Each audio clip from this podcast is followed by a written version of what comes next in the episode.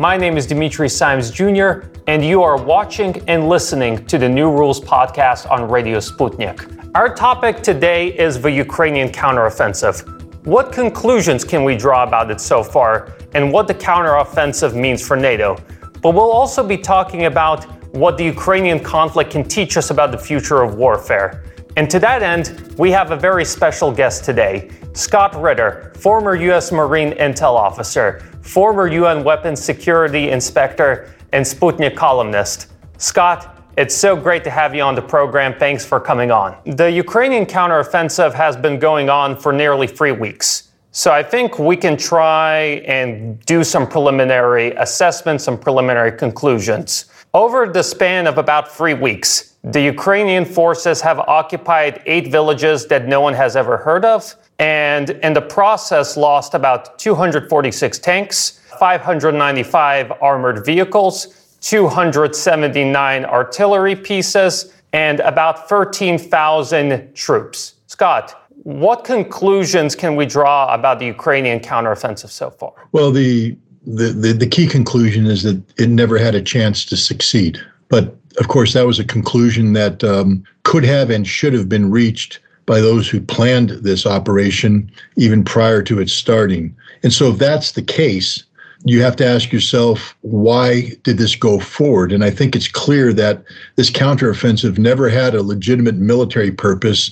It was always done for political reasons. Uh, and then you, ask to, you have to ask who benefits from um, these this political reasoning. The answer is NATO. Uh, NATO has, of course, uh, poured tens of billions of dollars uh, into building this Ukrainian capability.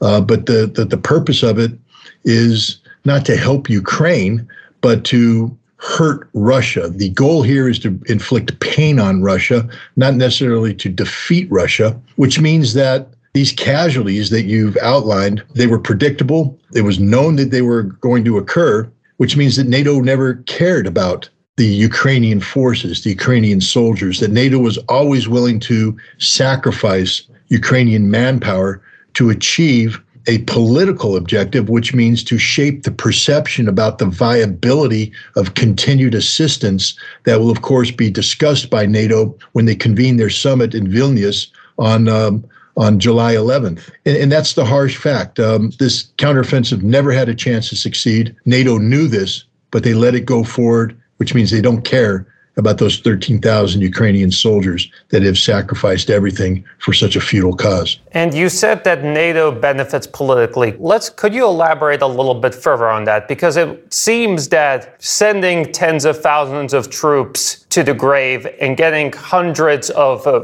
tanks and other heavy armored vehicles destroyed, it doesn't seem like this delivers much tangible political benefit. What is the political goal here then? Well, one has to keep in mind that just what, what has happened in, in recent history. In August of 2021, NATO and the United States suffered one of their their greatest defeats up until that time, their greatest defeat. And that, of course, is the debacle of Afghanistan.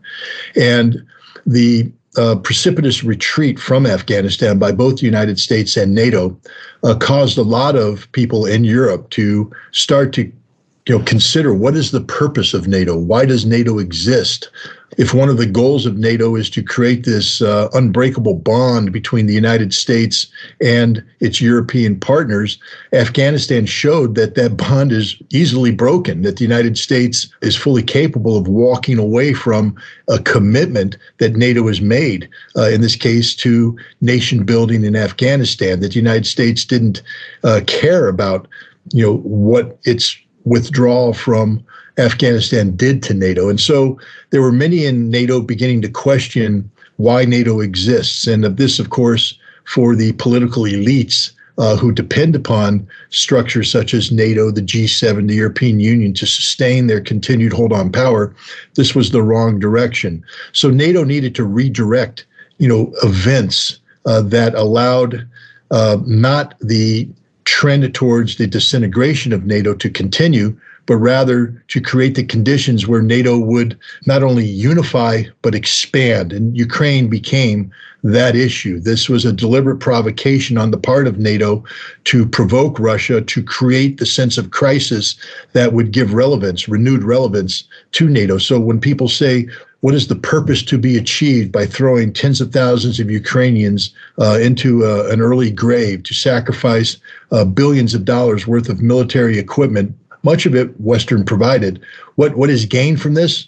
What is gained is NATO able to continue to cast Russia as a threat worthy of a revived NATO to justify the expenditure of hundreds of billions of dollars worth of military rearmament that would be necessary to transform NATO from the broken down military alliance that existed prior to the initiation of the Russian special military operation in Ukraine to this vision that uh, people like Jens Stoltenberg and others have articulated of a renewed, revitalized, expanded, powerful NATO. They need this war. They need, in many ways, a Ukrainian defeat because a Ukrainian defeat allows them to say that the Russian military that's capable of defeating this Ukrainian force is a Russian military that can only be confronted by an emboldened, empowered, united NATO. I want to return to the question of the viability of the Ukrainian counteroffensive, because in the lead up to the offensive, there was a lot of hype among pro Ukrainian military analysts, media outlets in the West, and there were basically two major arguments that they brought up. First of all, they said that Russian troops are spread thin over a front line that is a thousand kilometers long. There's no way Russian troops would be able to defend such a long front line with their current resources. And the second argument they brought up is they said that Russian troops simply aren't that good, that they're not as well trained as Ukrainian troops, that their morale is lower. And now that Ukrainian troops will get more NATO quality weaponry, more NATO training, that this will just shift the balance decisively in favor of Ukraine, and they will be with relatively ease able to break the land corridor to Crimea. How have these assumptions stood up so far during the three weeks of the Ukrainian counteroffensive? Well, I think uh, the events on the ground have shown that these assumptions are fundamentally flawed, uh, fatally flawed. But these are the only assumptions that um, pro NATO people could come up with, and let me explain why. The what the Ukrainian military has been tasked with doing from a military perspective in this counteroffensive is the most complicated, difficult military mission imaginable. And that is an assault against a fortified position. Uh, this means that you're doing the breaching of a fortified position. And this isn't just any fortified position. It's called the Surovikin line, but in actuality, it's reflective of a current Russian defensive doctrine that has been prepared by our Colonel General Alexander Romanchuk, um, a man who was the deputy, former deputy commander, I believe, of the 58th Army, involved in the Southern Military District in the early phases of the special military operation, a man who is cognizant of the realities of uh, the conflict with a NATO backed Ukraine. Uh, he was sent to the Combined Arms Academy in Moscow, where he perfected this new Russian doctrine, this new Russian defensive concepts. These were used to shape the Russian defenses, and then he was pulled out of the Combined Arms Academy and given command of the critical you know, front, the Zaporizhia front, where he is coordinating the Russian defensive position. So we know that the Russian defenses are uh, fully manned uh, and they are operating per doctrines. Now, now the Ukrainians have to attack this, have to assault it. And for a, a breaching assault to be considered a military success, it can't just dent the front line, penetrate the first line of defense, reach the second line of defense. It must go through all three layers and clear the Russian defenders from the far side of the final defense barrier. That's how you breach a defensive barrier. This was a mission impossible from the very start. Why? Because in NATO doctrine, to carry out this kind of breaching assault, the very first thing that has to occur is what they call suppression. You have to suppress Russia's ability to interdict, disrupt, or otherwise bring harm to your assaulting force. So, as the Ukrainian forces close with the initial obstacle barriers, with the initial screening forces, the Ukrainian military must be able to prevent Russian air power from intervening, Russian helicopters from intervening, Russian artillery from intervening, Russian electronic warfare from intervening, and suppress Russian screening forces from being able to defend effectively.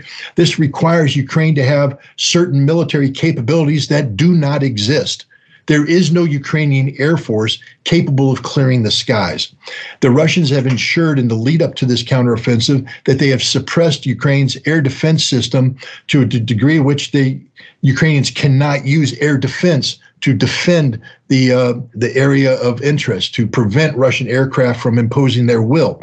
The Ukrainians have insufficient artillery to suppress Russian artillery, and the Ukrainians don't have adequate electronic warfare capability to jam Russian communications. So all of the things that would have to occur for any assault force to have a chance don't exist, and NATO knew this. NATO understood that the suppression aspects, the most important aspects of, a, of an assault breach, don't occur. So now, if you know this, how do you convince the Ukrainians to proceed with what is, in every sense of the word, a suicide mission?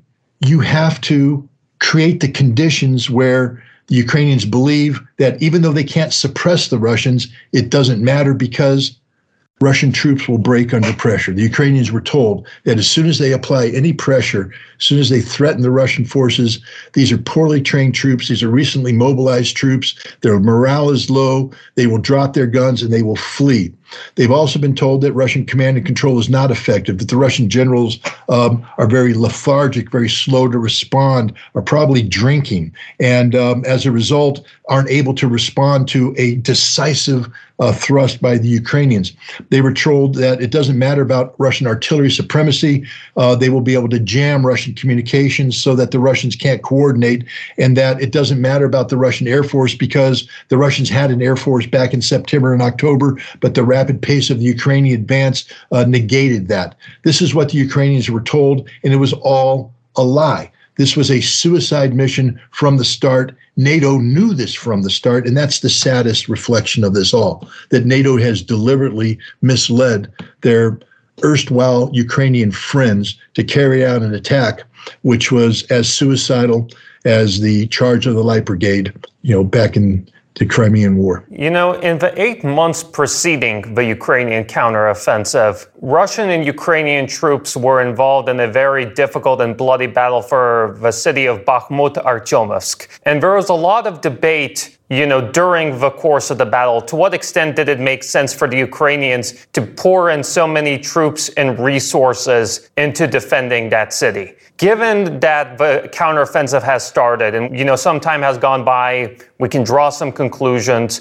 Was that a sound decision on the part of Zelensky and Ukraine's military leadership to hold on so, you know, committedly to Bakhmut Artyomovsk? Let's let's put it in perspective. Uh, NATO has trained approximately 60,000 Ukrainian forces to be involved in this counteroffensive. The 9 to 12 brigades that NATO has been involved in equipping and training constitute around 60,000 uh, men. Now, that is, of course, not the totality of the Ukrainian armed forces. There's many tens of thousands more troops out there, but these are these are the forces that have been allocated for this counteroffensive task.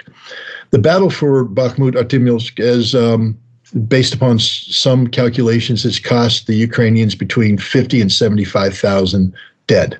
That is a number that exceeds or approximates the number of forces available for this counteroffensive. Imagine for, we know this counteroffensive doesn't just involve the 60,000. The 60,000 are troops specifically trained for this assault operations, but many of the uh, casualties uh, of the Ukrainian units currently engaged in support of this counteroffensive come from territorial uh, defense brigades and other Ukrainian forces that did not benefit. and I say that in um, the most, um, it's, it, I don't mean benefit. Uh, I don't think this NATO assistance benefited these forces at all. It actually made them weaker in many uh, in many ways. But these supporting forces are engaged. They're suffering casualties. Imagine a, a situation where instead of suffering 50 to 75,000 dead in, in the battle for Bakhmut, um, the Ukrainians had withdrawn and um, and carried out a, a more sensible, uh, flexible defense where they lost, say, 10,000 soldiers. You would now have uh, 40 to um, 65,000 additional Ukrainian forces available to Ukraine, which provides a tremendous amount of operational and strategic flexibility. Those forces are gone. This was a disastrous decision by Zelensky. Uh, it was done for political reasons. You know, he didn't want to look weak uh, you know, in the face of Russia at a time when NATO was building up this counterattack force. He needed to continue to put pressure on NATO to provide more tanks, more armored fighting vehicles, more artillery, more ammunition, F 16 aircraft, long range strike weapons. And you can't articulate that need when you're being when your your troops are being seen as withdrawing from the battle. But this is where military experts needed to step in and say, no, the we're we're not going to put our bayonet in the ground in um, in Bakhmut and uh, fight to the death. That we're going to actually withdraw, by time until we build up a force adequate to the challenge that we've set upon ourselves to push the Russians back. Politics trumped uh, military and the end result is tens of thousands of dead uh, Ukrainians and putting Ukraine in an even worse position from an operational and strategic perspective vis a vis Russia. Scott, I want to play devil's advocate for fairness' sake because uh, as U.S. Secretary of Defense Lloyd Austin said last week, Ukraine's fight is a marathon, not a sprint. And when you look at Russia, what Russian President Vladimir Putin and Defense Minister Sergei Shoigu are saying as well, they're saying that Ukraine still has significant strategic reserves at their disposal, both in terms of manpower, equipment, is there some chance that the Ukrainians could still turn this thing around? That maybe things got off to a rough start, but the Ukrainians can regroup and turn this counteroffensive into a success? You would need something, one of two things would have to occur. Uh, there would have to be a qualitative improvement in the overall capability of the Ukrainian military, meaning that something would have to occur to offset the advantage Russia enjoys in terms of air power, um, artillery, uh, and things of that nature. This has become a war of firepower. And right now, Russia enjoys unmatched capabilities. There's no Ukrainian solution to the um, the planed bombs that Russia's dropping, the uh, the guided Fab 500s uh, that are devastating the Ukrainian forces as they seek to assemble. Uh, there's no answer to Russian artillery. Uh, Russian artillery continues to enjoy you know, superiority, superiority both in terms of volumes of fire and um, in quality of fires over their Ukrainian uh, counterparts. Uh, Russian helicopters right now are, are, are basically dictating the terms of the battlefield. Also, Russian tactics. These aren't poorly trained troops. We're taking a look at these Russian forces, and they're performing in you know very well under fire. So something would have to happen to change that, which means that Ukraine would suddenly have to be empowered with a viable air force. Uh, people say that the provision of F 16s would do this, but that's unlikely. A, that they would get them in time, and B, that the F 16s would actually have that kind of impact on the battlefield.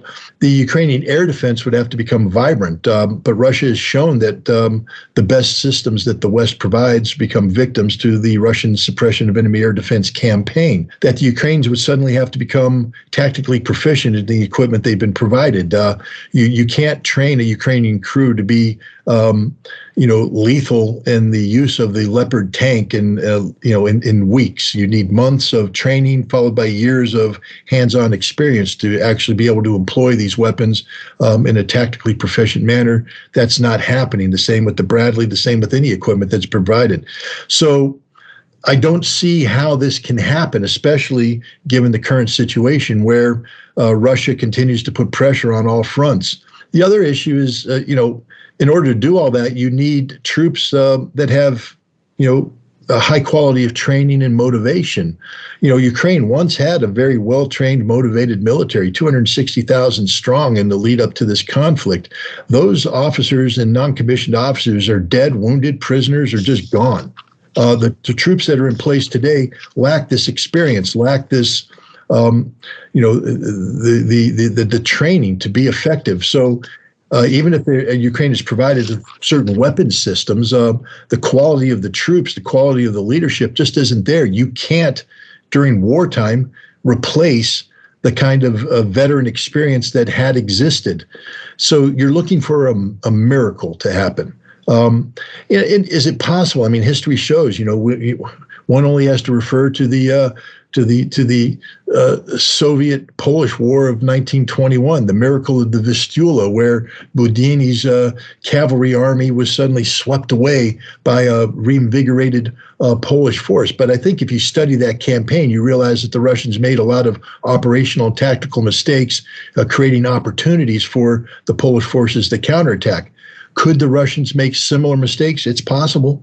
Uh, nobody's perfect, but I think that the um, the approach that uh, Vladimir Putin and his military leadership, inclusive of uh, Defense Minister Shoigu, have taken to this is a much more measured approach. Um, it's not a, a, a, a risk intensive approach. It's one designed to play to Russian strengths. So I think if you're waiting for Russia to make a strategic mistake, an operational error that can be exploited by Ukraine, you're waiting in vain. Um, the bottom line is there's literally not much NATO can do to reverse the tide of um, of this conflict. Uh, Ukraine is on its back feet.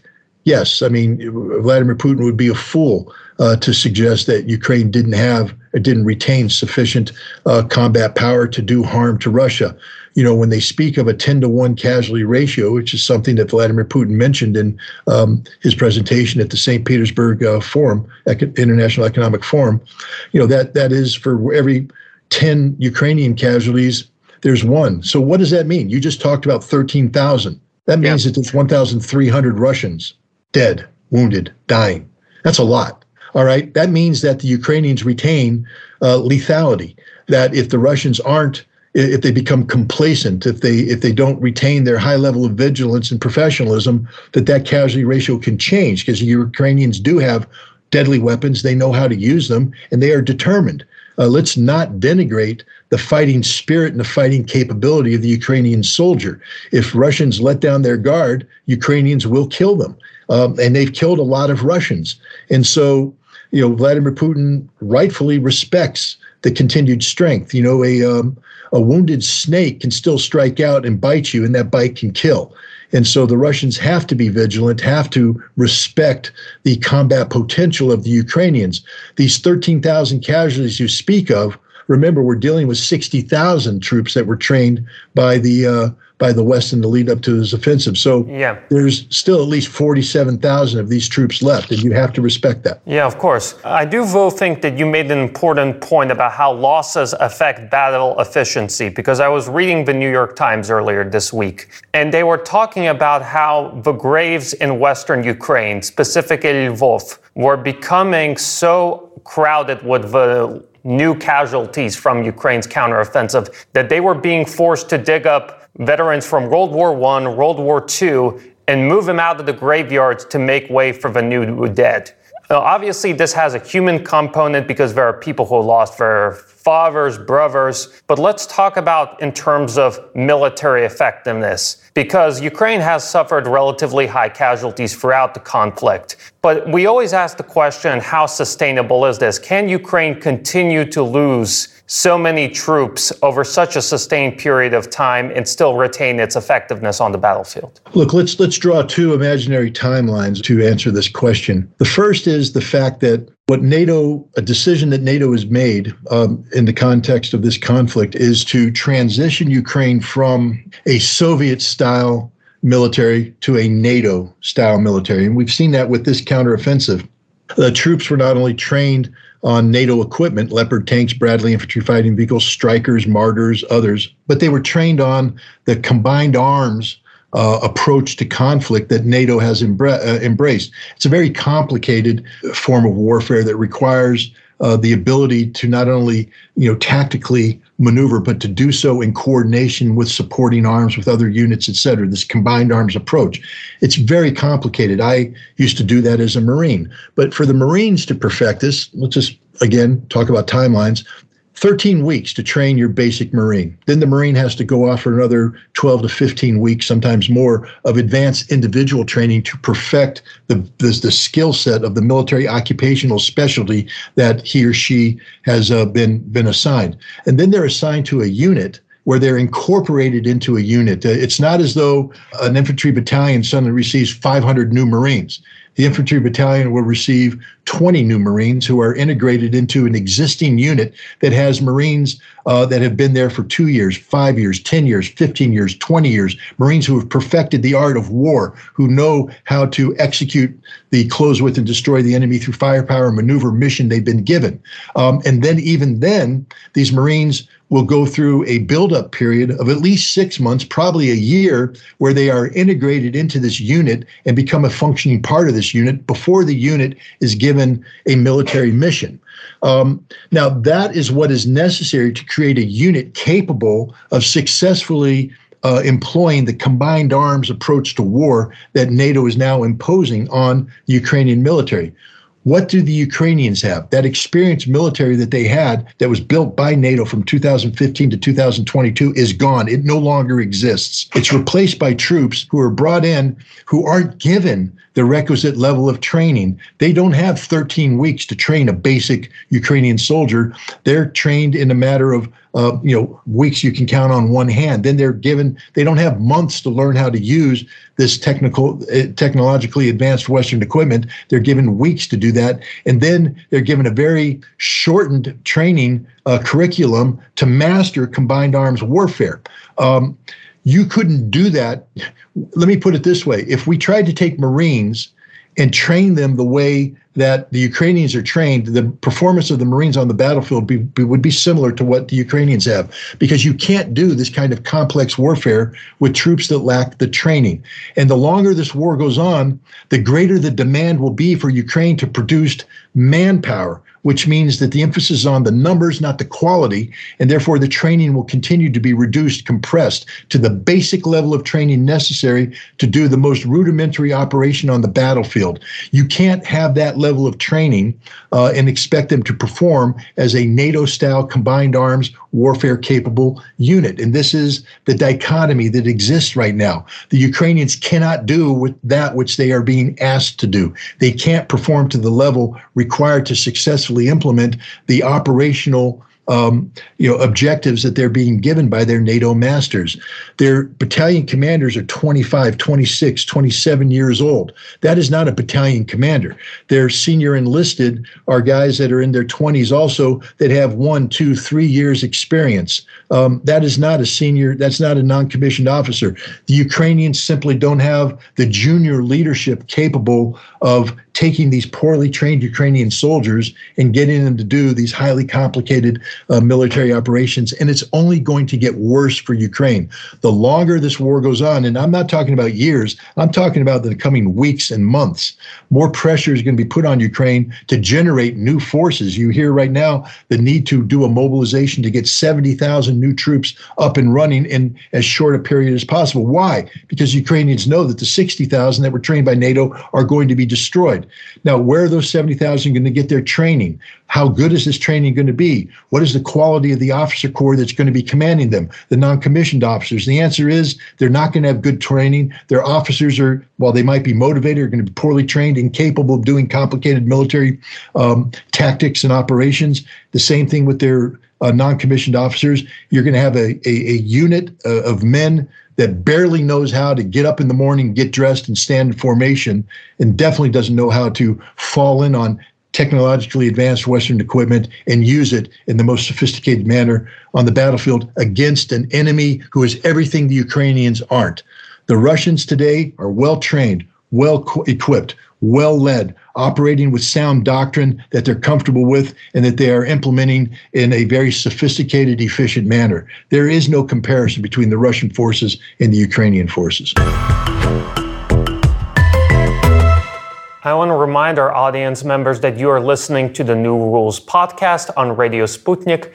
I'm your host, Dimitri Simes Jr., and our guest is Scott Ritter. Scott, in a few weeks' time, NATO leaders will be gathering in Vilnius, Lithuania. And we've talked about how the Ukrainian counteroffensive is sputtering, so that is going to be the background for this grand summit. What do you expect from the meeting, and what sort of new steps could they take in regards to the Ukrainian conflict? If NATO was led by responsible actors, first of all, we wouldn't be in this situation because they would not have encouraged this conflict to, to, to, to occur in the first place.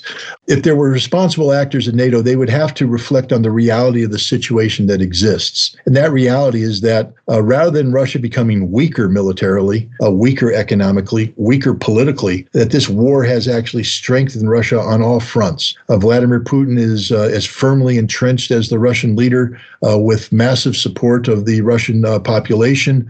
the Russian economy, um, far from collapsing, has actually rebounded. If the statistics that came out of the St. Petersburg um, International Economic Forum are accurate, and there's no reason to doubt them, we're actually looking at the strongest Russian economy in the history of the Russian Federation. And then the Russian military, rather than being weakened, has expanded, has become strengthened. It's backed by a Russian defense industry that's putting out high quality equipment in sufficient numbers to sustain uh, the, the level of uh, conflict. Uh, the, the performance of the Russian soldiers is admirable. Uh, the performance of the Russian leadership is uh, exemplary. Um, the Russians are stronger than they have ever been. That's the reality that NATO is facing. What does NATO have to go up against that? Yes, NATO has sought to expand. Uh, to you know, from a political perspective, is imperative that NATO uh, challenge Russia's ability to uh, dictate NATO expansion by denying Ukraine membership opportunities. So NATO has sought to expand, and they have successfully brought in Finland. I think that strategically this will turn out to be a um, an error for Finland and NATO because it would only weaken NATO. It's created an extended uh, additional um, border with Russia that now has to be defended. Uh, the Finns are going to be called upon to expand their military capabilities at a time when both Finland and NATO have budget problems. Uh, economic realities in the post uh, conflict world are such that it's almost impossible NATO to talk about expanding its military. You know, Germany has talked about 100 billion euros to build up a, a new German army, but they've since said in order to do that, we're actually going to need something closer to 400, maybe 600 billion euros. But they don't have any money. Euro, uh, the European Union's asking for more money to be uh, made available to give to Ukraine, and the Germans have come and said we don't we don't have it. They can't afford this. NATO can't afford this. NATO has given away basically their strategic reserve in terms of equipment, ammunition. They've given it to Ukraine. It's been chewed up on the battlefield. NATO's now desperately looking for more to give. They have nothing left to give. They're, the, the, the cupboards are bare, so to speak. They're seeking to create a new uh, defense industry capacity to build the munitions and weapons necessary, but that's going to take years if it ever occurs because, you know, they're not thinking strategically. Defense industry uh, officials are saying for us to do this, we need long term contracting that makes it economically viable. We can't come in with short term, uh, limited duration contracts, which cause us to ramp up to produce a small amount of equipment. We can't afford to do that. You can't afford to pay for it. NATO is as weak as it's ever been. There is no unity. Turkey will not allow Sweden in. Hungary is, start, is threatening, you know, is not, uh, t- you know, playing the game. Uh, and many other nations are also starting to question uh, the viability of using NATO as a foil against not only Russia, but China. France has rejected the opening up of a NATO liaison office in Japan because they say that Japan is in the Pacific and NATO is a North Atlantic Treaty Organization, and they don't understand why a North Atlantic Treaty Organization would be involved in the Pacific. And there are many other NATO members starting to question uh, what it is NATO is trying to accomplish. Even staunch supporters of NATO, like Great Britain, are starting to have NATO question what Britain's doing. The United States has come out and said, hey, you realize that if you continue to shrink your military, and let me remind the listeners that the British Army now is 72,000 strong, it's soon to be reduced to around 70,000, which means that you can put the totality of the British Army in any large soccer stadium in Europe and still have 30 to 40 unsold, 30 to 40,000 unsold seats. That's how small the British are. They're becoming militarily irrelevant. Their military is so small, so inconsequential that they no longer factor into any responsible NATO military planning. And this is the reality of much of NATO. Even Germany doesn't have the military capacity that uh, they should have. Their military is atrophied. They don't exercise the way they need to. They don't have equipment that is well maintained. Their air force, much of it is grounded. Uh, and this is the reality of all of NATO. And so now NATO is going to gather and they have to confront the fact that Russia is an expanding military power. Um, they've gone from 900,000 to 1.5 million, probably going to be stronger because of temporary absorption of volunteers for the uh, special military operation. Uh, Finland's going to have to deal with a new military district in Leningrad and increased forces on the Kola Peninsula that's going to require them to invest into their defense with what money, with what equipment, with what manpower. And this is the, the, the problem that's facing all of NATO as they roll into uh, this, this Vilnius summit. Now, that's if a realistic person is there. And a realistic person would look at it and say, we are headed down a path we can't sustain, and it would result in the ultimate collapse of NATO. So a responsible person would come in and say, how do we bring a halt to this trajectory? And that means that we have to bring an end to this conflict, which means that we have to fundamentally reevaluate our approach towards Ukraine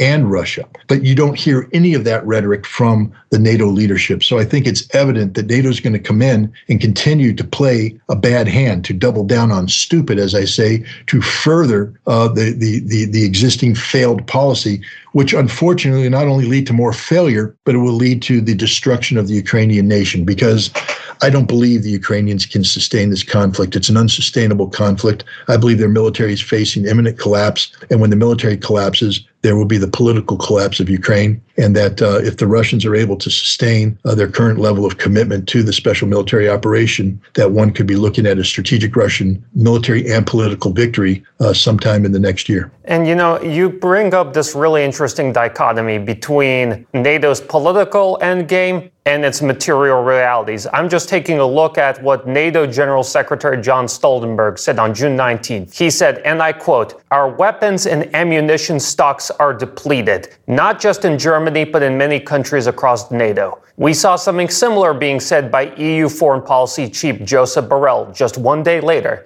when he said that the European Union is currently lacking critical material needed to produce ammunition. So you hear these statements, but at the same time, you hear people like Secretary of Defense Lloyd Austin, many of his NATO counterparts, saying that we will continue to support Ukraine as long as necessary. How long can they keep this dichotomy up? How long can they keep up this sort of disconnect between their political goals and their material realities? You know, rhetoric is nice uh, when it's in isolation. Um, so you can have these political officials uh, get before a camera and they can speak words. And when you have a Western media that plays the role of stenographer as opposed to journalist, uh, they don't ask questions, they simply record and regurgitate what these officials say. It's very easy to shape a perception amongst an audience that is physically separated from the realities of the battlefield uh, so that everything is, is is is good. But eventually reality kicks in. I you can use as an example the uh, the iraqi uh, information minister during the 2003 american invasion of iraq uh, you know who's derisively nicknamed baghdad bob. You know he would get on tv every day and give these optimistic speeches about how the performance of the iraqi army is good how the americans are being defeated they're being pushed back and his final broadcast in Baghdad, while he was making that statement across the river, M1 Abrams tanks were driving around. And that meant that the war was over. So at some point in time, rhetoric collides with reality, and reality will crush rhetoric every step of the way. So Lloyd Austin can, can say whatever he wants, but it's not going to change the outcome on the battlefield. Um, the, you know, you, NATO can get together and talk about how resolutely they're going to support the Ukrainians, but the Ukrainians need massive quantities of ammunition, and NATO doesn't have it, and they can't produce it. So Ukraine's not going to get it. And so at some point in time, all the rhetoric gets flushed down the toilet of life, and reality hits hard. And the reality is that as things currently stand, Russia cannot be defeated in Ukraine by either Ukraine or the collective West, that Russia holds a winning hand. And if Russia plays this hand appropriately, Russia will prevail. And no amount of words coming out of a NATO summit in Vilnius can, uh, can alter this outcome. At the same time, I do suspect that the United States and NATO still have some cards up their sleeves. For example, we now know that NATO has begun training Ukrainian pilots how to use, uh, how to fly F 16 fighter jets. And we see from different current and former policymakers in Western countries proposing to send long range missiles to Ukraine, cluster munitions, A 10 attack aircraft. So there are some, you know, more cards up NATO's sleeve. Do you think that if the West sends these new wonder weapons, so to speak, to Ukraine, that that could somehow help shift the balance back in Ukraine's favor? Well, the answer is no. On um, uh, no matter how you look at this. Um, first of all, let's just be realistic here. You know, the F 16 has been around since the 1970s, as has the A 10. Now, it's been modified, updated avionics, uh, you know, refurbished airframe, et cetera, et cetera, et cetera. But the to call it a wonder weapon, for a wonder weapon to really exist, it means when it appears on the battlefield, uh, nobody ever. I'll give you an example from history. Uh, there are clips of American uh, B 17 bombers uh, flying over Germany uh, late in the Second World War when suddenly this jet fighter appears going right across. It was the Messerschmitt 262. Um, nobody had ever seen it before. It took everybody by surprise. They're like, what the heck is that? Uh, that was a wonder weapon. Had the Germans been able to produce the ME 262 in sufficient quantity and employ it earlier in the war, it could have changed the outcome of the strategic air campaign because we were taken by surprise and we had no effective counter to it. So to call the F-16 a wonder weapon is, is ludicrous in the extreme. The Russians have known about the existence of the F-16 for since it was produced.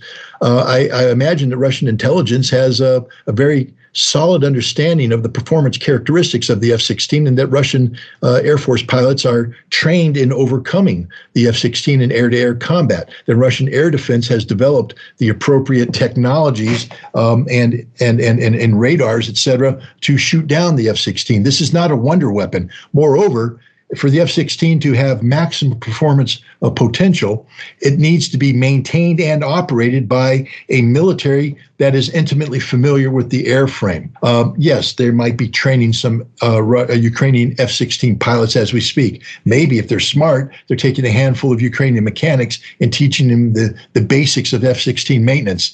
The F 16 is an old airframe, it requires an extensive amount of uh, maintenance to make it operational. Turning F 16s over to the Ukrainians isn't doing them any favors. Ukrainians would be better off receiving more MiG 29s or more Su 27s. These are Soviet era airframes that they know how to operate. They they're competent in the in, the use of. You give them F-16s, uh, all you're guaranteeing is that every single pilot that's inside that F-16 will die. That F-16 will have zero impact on the battlefield. Let's also look at the reality of these aren't going to be the newest model F-16s. In fact, it appears that the first F-16s that will be provided to Ukraine, if that decision is made will be from the Netherlands. Uh, the Netherlands had said, well, we can't give you these F 16s until they've reached the end of their operational lifespan for uh, the Netherlands. We bought these. They have a certain amount of time that they're designed to operate on. When they exceed that, meaning that we can no longer use them because their contract, their you know, basically they've exceeded their uh, you know their, their, their certificate of operational. We're going to turn them over to Ukraine, which means Ukraine's getting old fighters that don't work. Uh, they're going to have to be constantly maintained. It's as if we want the Ukrainians to lose. I mean, look at the Italians. They provided the Ukrainians with uh, a number of uh, you know M109 artillery pieces, and I think everybody is familiar with the uh, the video of the trains full of these artillery pieces heading off, and everybody's going more NATO equipment to Ukraine. Every single one of these M109s don't work. They were turned over to Ukraine in non-functioning status, and they aren't on the battlefield because they're in warehouses being maintained right now. That's the reality. You give the Ukrainians F-16s that most of them won't get off the ground, and the ones that do get off the ground will be shot down.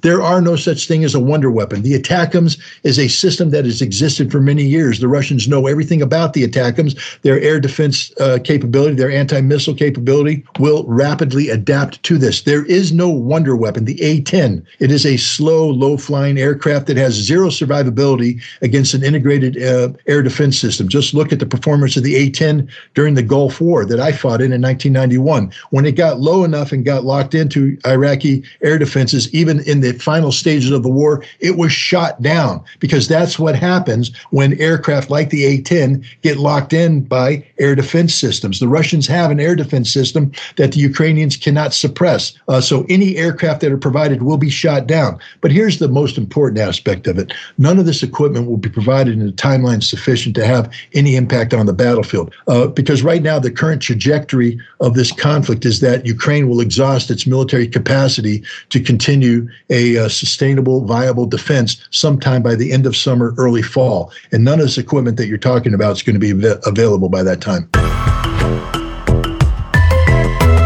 I want to remind our audience members that you are listening to the New Rules podcast on Radio Sputnik. I'm your host, Dimitri Simes Jr., and our guest today is Scott Ritter. Scott, I have no doubt that militaries around the world are closely analyzing the Ukrainian conflict, you know, breaking down every single detail to try and find out what the future of war is going to look like. What lessons can militaries around the world draw from the Ukraine conflict? What technologies, what strategies are the ones that are most likely to be promising in future conflicts? Well, I think two things have, have, have emerged uh, that are that are new, the new face of war, and one is the extent to which uh, drones um, are, have been integrated into every aspect of uh, of modern conflict, uh, from uh, standard reconnaissance, uh, target acquisition, um, target target designation um, electronic warfare, and uh, loitering munitions using the drone as a weapon. Uh, the, this is this is a new reality, um, and because of the impact of drones, uh, both armies, Ukrainian and Russian, have had to develop counter drone capabilities.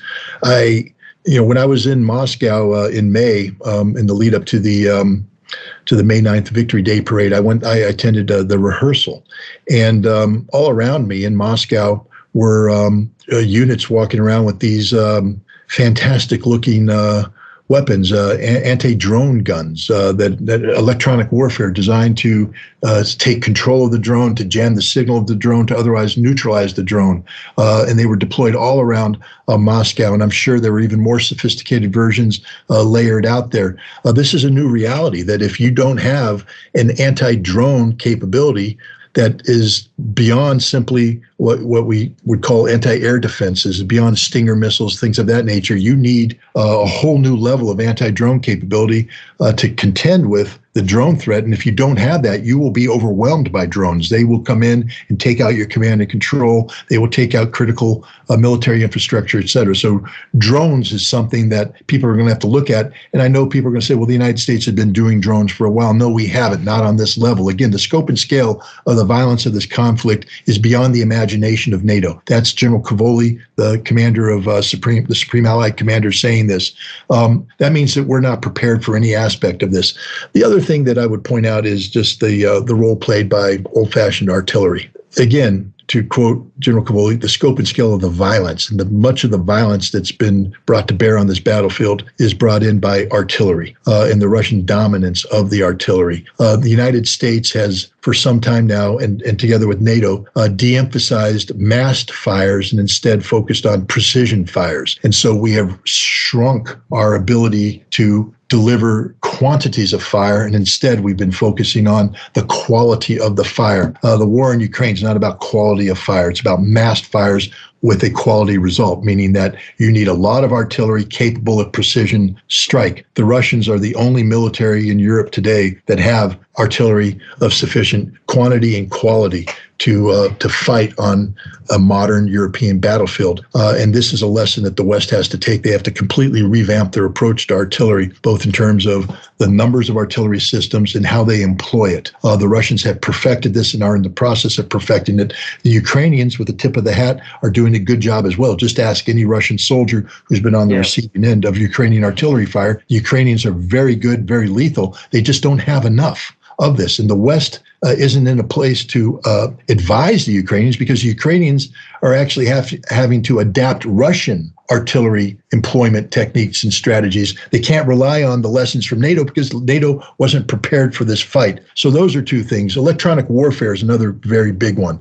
Um, you know, the United States and NATO in the last 20 years have been uh, developing something we, we, we, we call the, the full spectrum dominance. That is, when we go to war, we're going to dominate the enemy full spectrum wise. We're going to control, communicate. We're going to have perf- we're going to have perfect inter interoperability. We have everything computerized, digitized. We have satellites overhead. We have aircraft relaying signals so that there is perfect command and control. That we, you know, a commander in the field has total situational awareness, and therefore we're able to adapt, overcome, and um, and and overwhelm the enemy with the totality of our military capacity. The problem is the Russians will just simply hit the off switch, and none of this will work because we developed this in the context of the war in Afghanistan, the war in Iraq, um, where the enemy didn't have any ability to interfere in a meaningful way with this total spectrum dominance approach that we've taken. The Russians have the most sophisticated electronic warfare capability in the world. And they just asked the Ukrainians how difficult. One of the reasons why this counteroffensive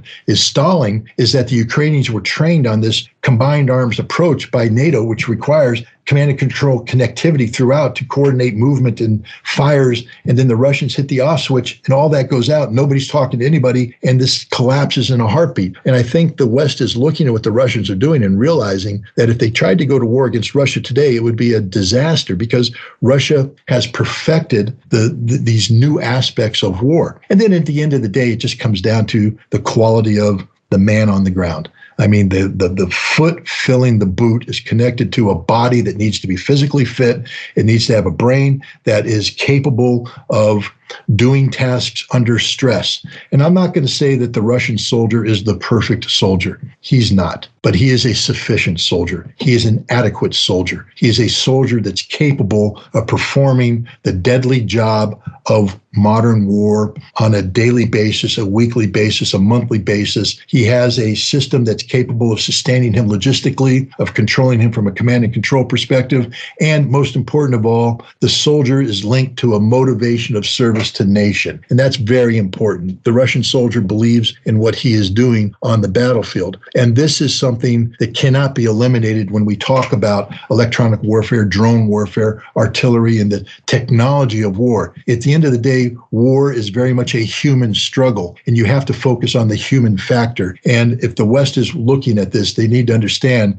that the human factor when it comes to the Russian fighting man is of extremely high quality. Again, look at the planning assumptions that were made by the West in regards to this Ukrainian offensive, that the Russian soldiers would run away, Russian command and control would not function. This has been proven to be false. And my final question has to do with tanks, because as I'm sure you know, the military analyst community loves debating the question are tanks obsolete? And every chance they get, no matter what conflict it is, they bring up uh, this question Are tanks the way of the past? What's your take, Scott? Do tanks have a place in the 21st century? Well, the answer is yes, of course they do. Uh, tanks have a, a very lethal role on the battlefield.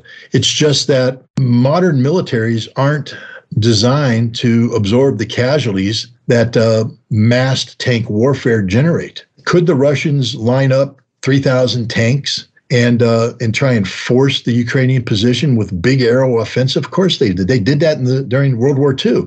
But take a look at every big arrow offensive that the Soviet army carried out against the Germans, or the Germans carried out against the Soviets, and look at the casualties that were accrued by this, the number of tanks that were lost you know, that was supposed to be the heyday of armored warfare. But look at the number of tanks lost, for instance, the battle for Kursk. Look at the number of tanks lost um, in the drive towards Berlin, in the battle for Berlin. Look at the number of tanks lost in the drive to Prague. These are closing stages of the war. And when the Soviets had all the advantages, and yet they're losing tanks in large numbers because that's what happens in very intensive combat. And so people today are saying, well, the tank is outdated. It's not outdated. Uh, the, the, the tank is just a very good weapon system, but if it's employed in modern warfare against an enemy that has advanced tank killing capabilities, it just means that you're going to lose tanks. And nobody is conditioned to lose that number of um, manpower and um, and systems today. You know, I think the other the other thing is that the West has developed a um, sort of a um, exaggerated sense of uh, of capability for its own weapon systems, uh, in particular the M1 Abrams, you know, and the the Leopard, um, the the the Challenger, the Leclerc. These these weapon these West, Western weapon systems were uh, designed to take on Soviet era tanks, and they really haven't advanced that much in terms of their capabilities. The Russian tanks, however, have gone through a radical evolution uh, to adapt to this new Western technology. It's the same thing that when I talk about, you know, the F 16 can't be a wonder weapon. Trust me, the M1 Abrams is not a wonder weapon. Russian tankers have been studying the Abrams forever. And Russian defense industry has been developing uh, capabilities not only to defend Russian tanks against Western weapons, but to destroy Western weapons with Russian weapon systems. And so, you know, we can look right now. Take a look at, for instance, um, the Leopard as it advances on the battlefield. Uh, you don't see too many instances of the Leopard receiving multiple hits and continuing to move. The Leopard is struck, is disabled, is destroyed in short order. Uh, but there's been some pretty impressive videos coming out of the uh, of the new T90 uh, Russian tank advancing on Ukrainian positions. One where I think it absorbed um, 19 hits of, uh, of uh, wow. either mines or anti tank weapons and continued to move forward. I'm not saying it's invincible. I'm saying that uh, one needs to respect Russian technology, Russian know how, and the fact that the Russians have built a system designed for combat. But again, the Russians right now are not in the business of sacrificing manpower for short term military gains. And so you're not going to see the tank used as a massive mailed fist to punch through uh, defenses. Why? Because then the Russian tanks would be burning just like the Leopard tank is burning. You will suffer casualties. What we're seeing is that the tank is now, instead of being used as the principal weapon, um, the tank is being used as one of many weapons that work together in harmony to achieve a desired outcome. That when the time comes for an armored pillbox to move forward and suppress the enemy, that's the role of the tank. But it will be supported by infantry fighting vehicles, dismounted infantry, artillery, helicopters, aircraft that suppress the enemy's ability to interdict the tank. So the tank becomes, you know, one of many weapon systems. And I think that's the the reality of the modern battlefield is that the tank is no longer the dominant weapon on the battlefield. It is one of many important weapons, which, if they work together in harmony, uh, create a dominant military presence on the battlefield. Scott, thank you so much for such an informative and interesting conversation. And to all our audience members, I want to thank you for once again joining the New Rules podcast. If you want to keep up with our work, the first thing you should do is subscribe to us on Rumble. But you can also check us out on SputnikGlobe.com. You can follow us on Twitter at SputnikINT, and you can also follow us on Telegram. Now, for Telegram, there are two options. If you live in a free country, you can simply uh, follow us at Sputnik INT. But if you live in a not so free country, such as the United States or somewhere in the European Union, check out our channel Geopolitics Live. Scott, thank you once again so much. And where can our audience members keep up with your work? Well, first of all, thank you very much for allowing me to be uh, a part of this uh, of this podcast. Um, uh, I think the best way to follow me is uh, through uh, the ScottRitterExtra.com website. That's where I put everything I write. Any podcast that I have uh, connectivity with is is there. It's uh, it's not hidden behind any paywall, and it's just a one stop shop. So ScottRitterExtra.com. And on that note, till next week.